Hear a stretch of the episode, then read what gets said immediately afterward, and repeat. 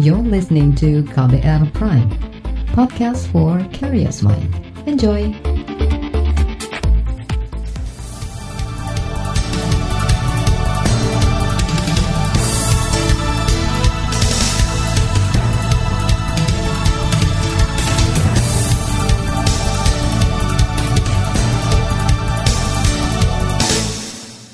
Selamat pagi saudara, senang sekali rasanya saya Reski Mesanto bisa hadir kembali menjumpai Anda pagi hari ini melalui program Buletin Pagi edisi Senin 7 September 2020. Pagi hari ini tim redaksi KBR telah menyiapkan informasi terkini untuk Anda. Di antaranya desakan revisi Undang-Undang BPJS Kesehatan terus menguat, pelanggaran HAM terhadap minoritas gender dan seksual dinilai sudah terpola, dan pasangan Bajo ingin taklukan suara Gibran Teguh di Pilkada Solo. Saudara inilah Buletin Pagi selengkapnya. Terbaru di Buletin Pagi. Kita mulai Buletin Pagi hari ini, akibat BPJS Kesehatan selalu mengalami defisit anggaran, tim peneliti dari UGM Yogyakarta menyarankan merevisi Undang-Undang Sistem Jaminan Sosial Nasional atau SJSN. Begitu juga dengan Undang-Undang BPJS Kesehatan. Menurut Ketua Departemen Kebijakan dan Manajemen Kesehatan Fakultas Kedokteran UGM, Laksono Trisnantoro, kalau tidak direvisi, maka potensi defisit anggaran BPJS Kesehatan akan terus terjadi. Di antara usulan revisinya, yaitu menciptakan satu lembaga lain yang khusus mengelola askes komersial. Sedangkan untuk kelas 1, 2, dan 3 dijadikan satu kelas saja, yaitu kelas standar. Dan ini ada lembaga lain di luar BPJS yang mengelola dana kesehatan. Jadi bukan satu-satunya. Dan itu tempatnya untuk askes komersial ya. Nah, di mana askes komersial itu bisa menangani kelompok PBPU yang memang dia itu mau di sana membayar lebih. Jadi kelas yang 1, 2, 3 itu ya, itu dijadikan satu kelas saja, kelas standar yang masih bisa disubsidi pemerintah. Tapi yang tidak mau kelas standar ya silahkan Anda menggunakan uh, askes komersial. Ketua Departemen Kebijakan dan Manajemen Kesehatan Fakultas Kedokteran UGM Laksono Trisnantoro menambahkan, kebijakan JKN berhasil melindungi sebagian masyarakat dari masalah ekonomi akibat sakit. Tapi kebijakan JKN gagal menyeimbangkan fasilitas pelayanan kesehatan antar daerah. Belum lagi sistem mutu layanan yang secara nasional masih buruk. Sebelumnya, Kementerian Keuangan mencatat BPJS Kesehatan terus mengalami defisit anggaran setiap tahunnya. Bahkan tren defisit itu terus meningkat sepanjang lima tahun terakhir. Pada 2014, defisit tercatat 9 triliun rupiah. Dua tahun kemudian, defisit mencapai 6 triliun rupiah. Pada 2017, defisit melonjak 13,5 triliun rupiah. Dan tahun lalu, defisit anggaran BPJS Kesehatan mencapai 15,5 triliun rupiah. Pemerintah terus menanggung beban defisit penyelenggara jaminan kesehatan nasional itu. Saudara, anggota Dewan Jaminan Nas Sosial Nasional atau DJSN mendukung revisi Undang-Undang BPJS Kesehatan. Komisioner DJSN Mutakin bahkan berharap materi revisi bisa masuk dalam program legislasi nasional atau prolegnas prioritas DPR tahun depan. Apalagi naskah akademik untuk penguatan jaminan kesehatan nasional sudah diajukan sejak tahun lalu. Dia mencontohkan ketidakberesan BPJS Kesehatan, yaitu peserta penerima manfaat yang tidak tepat sasaran. Akibatnya perlu dilakukan penghapusan data peserta. Ini mungkin tadi yang ke depan mungkin akan kita dorong terus bagaimana uh, revisi undang-undang ini bisa dilaksanakan. Karena secara prolegnas di tahun 2020-2004 sudah masuk dalam di prolegnasnya pemerintah untuk revisi undang-undang ini. Hmm. Tapi kita memang harus dorong betul sehingga mungkin tahun depan kalau bisa ini sudah masuk ke dalam prioritas untuk tahun 2021. Jadi sehingga bisa lebih cepat untuk uh, bagaimana revisi di undang-undang ini.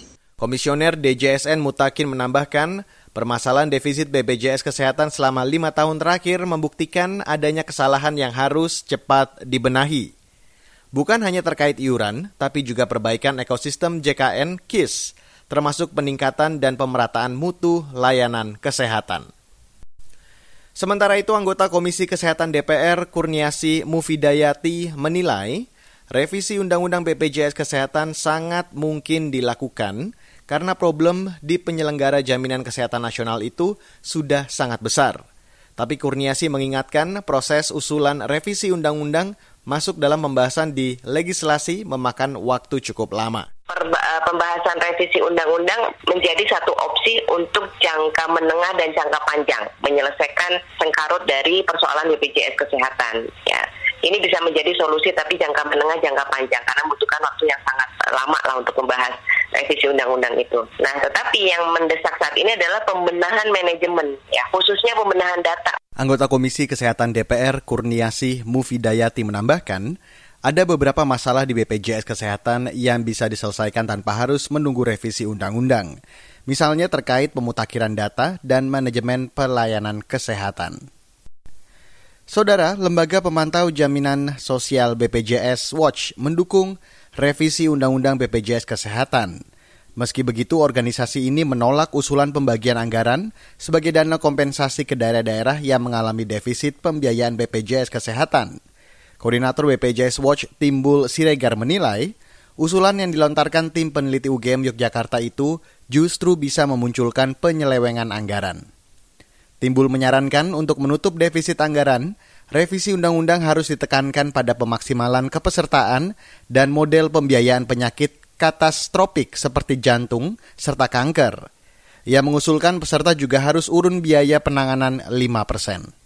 Undang-undang SDSN dan Undang-undang BPJS menurut saya kita harus kaji lagi ya. Tetapi konsep tentang gotong royong jangan di kotak atik. Saya khawatir kalau gotong royong itu nanti diubah konsepnya, itu nanti akan terjadi proses pembiayaan yang tidak sentralisis ke BPJS Kesehatan, tapi bagaimana nanti Pemda bermain sendiri dan ini yang akhirnya tidak tepat menurut saya. Koordinator BPJS Watch Timbul Siregar menambahkan defisit anggaran juga bisa dikurangi dengan mendorong seluruh perusahaan untuk mendaftarkan pekerjanya sebagai peserta BPJS Kesehatan. Timbul menyebut dari 40 juta pekerja, baru 16 juta pekerja yang didaftarkan sebagai peserta BPJS Kesehatan. Kita beralih ke mancanegara. Saudara polisi menembakkan bola-bola merica ke pengunjuk rasa di Hong Kong kemarin. Ratusan orang turun ke jalan berdemonstrasi menentang penundaan pemilihan legislatif dan undang-undang keamanan nasional baru yang diberlakukan Cina. Pemimpin Hong Kong Carrie Lam menunda pemilihan kursi di Dewan Legislatif selama satu tahun dengan alasan meningkatnya lonjakan kasus positif COVID-19. Carrie menyatakan tidak ada motif politik di balik kebijakannya itu. Tapi penundaan itu menjadi pukulan bagi oposisi pro-demokrasi yang sebelumnya berharap bisa memenangkan mayoritas kursi di Dewan. Ribuan polisi berjaga di sekitar Kowloon, di mana para demonstran melambai-lambaikan spanduk dan meneriakan slogan Bebaskan Hong Kong. Slogan anti pemerintah itu kini sudah dilarang di bawah pemberlakuan Undang-Undang Keamanan yang baru. Polisi menangkap puluhan demonstran, termasuk wakil ketua dari Front Hak Asasi Manusia Sipil, Figu Shan. Saudara, pelanggaran HAM terhadap minoritas gender dan seksual dinilai sudah terpola. Informasi selengkapnya usai jeda, tetaplah bersama kami di Buletin Pagi KBR. You're listening to KBR Pride, podcast for curious mind. Enjoy!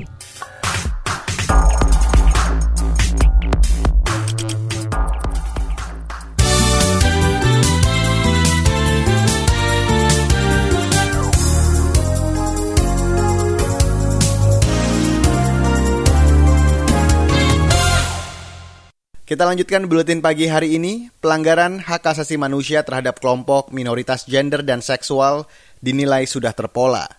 Pengacara publik dari LBH Jakarta, Andi Komara, menyatakan pola itu didapatkan dari hasil pengamatan berbagai kasus selama kurun 2013 hingga 2018. Pelanggaran HAM itu kerap kali diawali dari penggerebegan di ruang privat.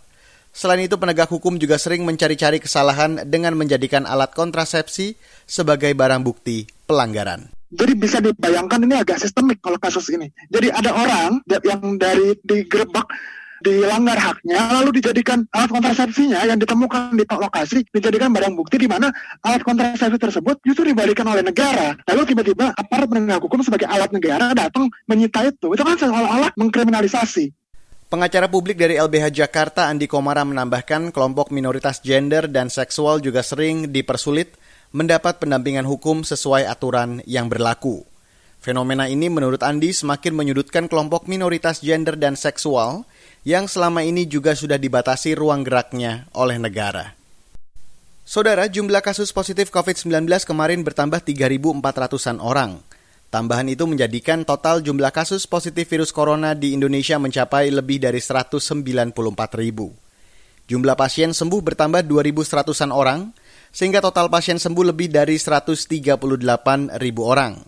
Sementara pasien positif COVID-19 yang meninggal bertambah 85 orang dan menjadikan jumlah total meninggal menjadi 8 ribuan orang. Sebelumnya, juru bicara Satgas Penanganan COVID-19 Wiku Adhisa mengatakan, Peningkatan jumlah kasus baru antara lain karena aktivitas masyarakat meningkat saat libur panjang beberapa pekan lalu. Saat itu masyarakat mengunjungi lokasi wisata tanpa mematuhi protokol kesehatan pencegahan COVID-19. Kita ke berita ekonomi, saudara pengelola asuransi Kresna Life diminta mempertimbangkan pemilahan nasabah prioritas terkait pembayaran klaim. Pengamat asuransi Irfan Raharjo menilai, pemilahan bisa didasarkan pada jumlah hingga urgensi pembayaran klaim nasabah. Irfan menyebut pengembalian klaim idealnya tidak lebih dari tiga tahun karena dinilai terlalu lama. Kalau yang di bawah 100 yang paling kecil lah katakanlah tidak harus 100 dibayar segera gitu. Kemudian yang menengah mungkin ditawarkan semacam diskon atau haircut, jadi tidak mendapatkan penuh. Kemudian yang jumlah yang premium yang paling besar ya dilakukan apa rescheduling di jadwal ulang nah, bisa lebih dari satu tahun tapi eh, jangan sampai lebih dari eh, tiga tahun. Jadi kalau di rescheduling sampai lima tahun tentu nasabah siapa pun juga akan keberatan. Itu tadi pengamat asuransi Irfan Raharjo. Sebelumnya, PT Asuransi Jiwa Kresna atau Kresna Life menawarkan opsi skema pembayaran klaim yang sempat tertunda kepada para nasabahnya. Ketua Tim Penyelesaian Polis Kresna Life Supriyadi menjelaskan, perseroan menawarkan skema penyelesaian untuk nominal polis di atas 50 juta rupiah dengan jangka waktu penyelesaian yang berbeda-beda. Sedangkan khusus untuk polis di atas 1 miliar rupiah akan dibayar mulai Januari tahun depan sampai 5 tahun mendatang. Saudara, laporan khas KBR bertajuk mewaspadai mutasi virus SARS-CoV-2 akan kami hadirkan usai jeda. Jadi tetaplah bersama kami di Buletin Pagi KBR. You're listening to KBR Pride, podcast for curious mind. Enjoy!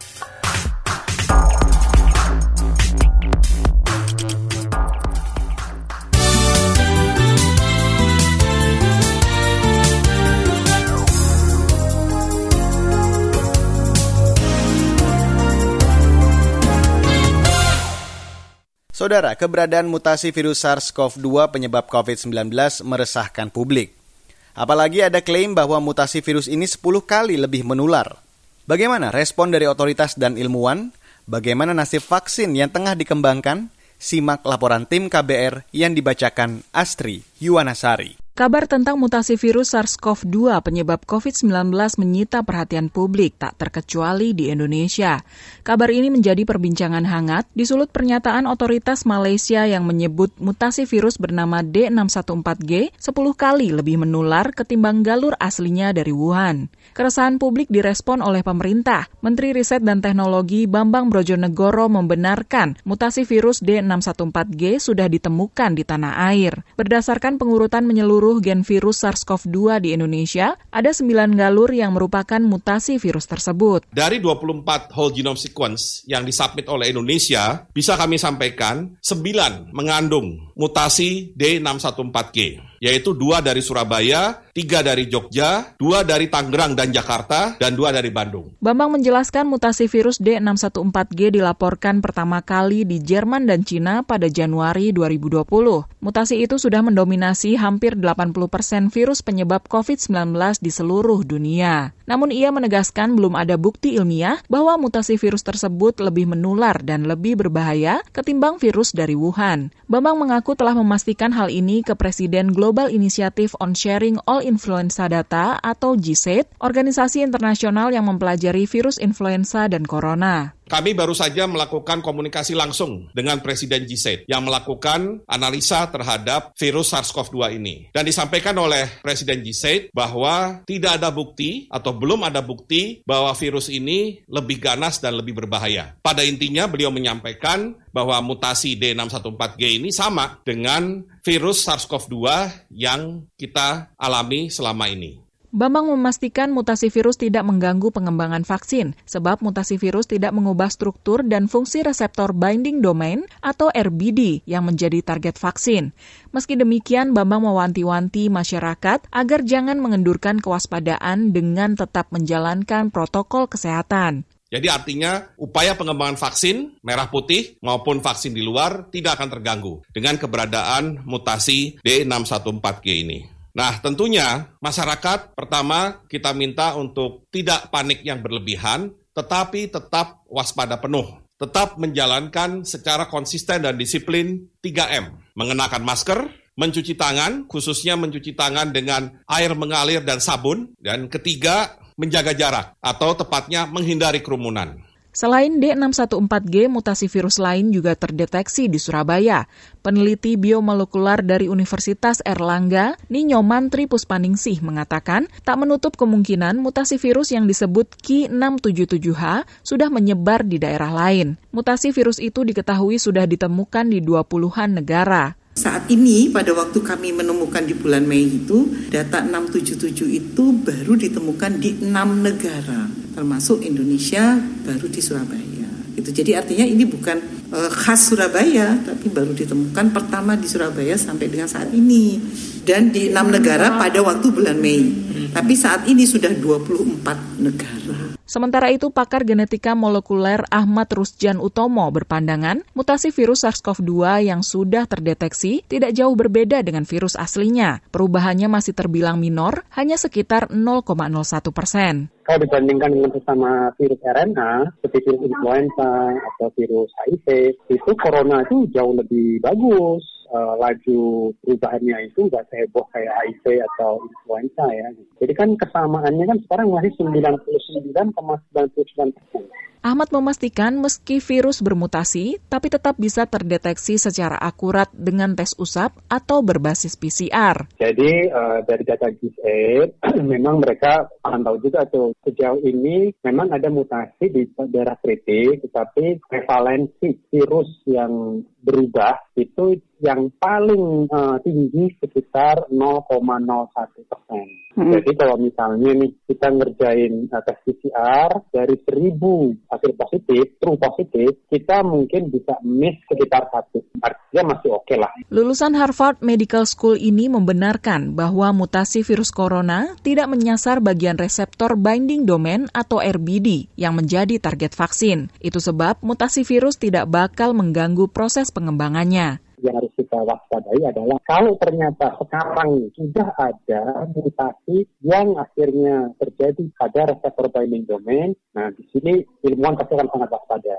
Oh. Tetapi karena mutasi yang sekarang tidak terjadi di daerah itu secara saintifik harusnya tidak berpengaruh. Tapi nggak apa-apa, nanti kita bisa lihat dari uji klinis fase 3, oke? Okay? Mm-hmm. Karena itu menjadi ukuran yang paling objektif. Demikian laporan tim KBR, saya Astri Yuwanasari. Saudara, informasi dari daerah akan kami sajikan usai jeda, jadi tetaplah di Buletin Pagi KBR. You're listening to KBR Pride, podcast for curious mind. Enjoy!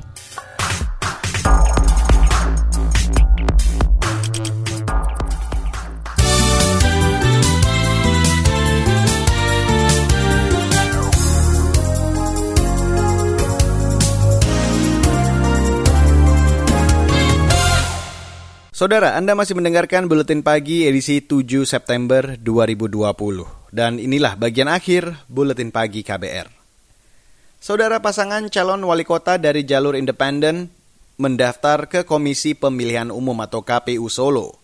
Pasangan Bagio Wahyono dan Efek Suparjo yang dikenal dengan Bajo kemarin mendaftar dengan menunggangi kuda balap. Suparjo berharap menang di atas satu persen dari perolehan suara pasangan Gibran Raka Buming Raka dan Teguh Prakosa. Target kita kemarin 86 ya. Tapi kita nggak aja.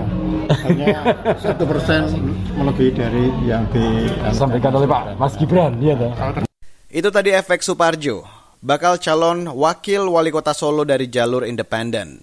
Sementara itu Ketua KPUD Solo Nurul Sutarti mengatakan pasangan Bajo sudah melengkapi persyaratan.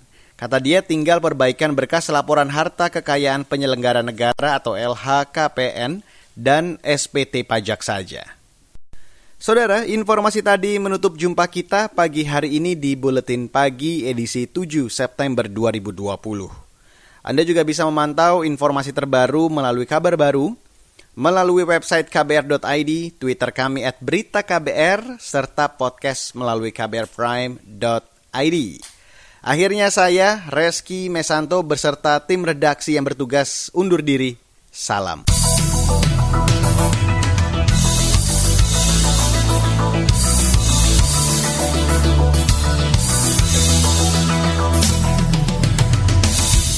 KBR Prime, cara asik mendengar berita. KBR Prime, podcast for curious mind.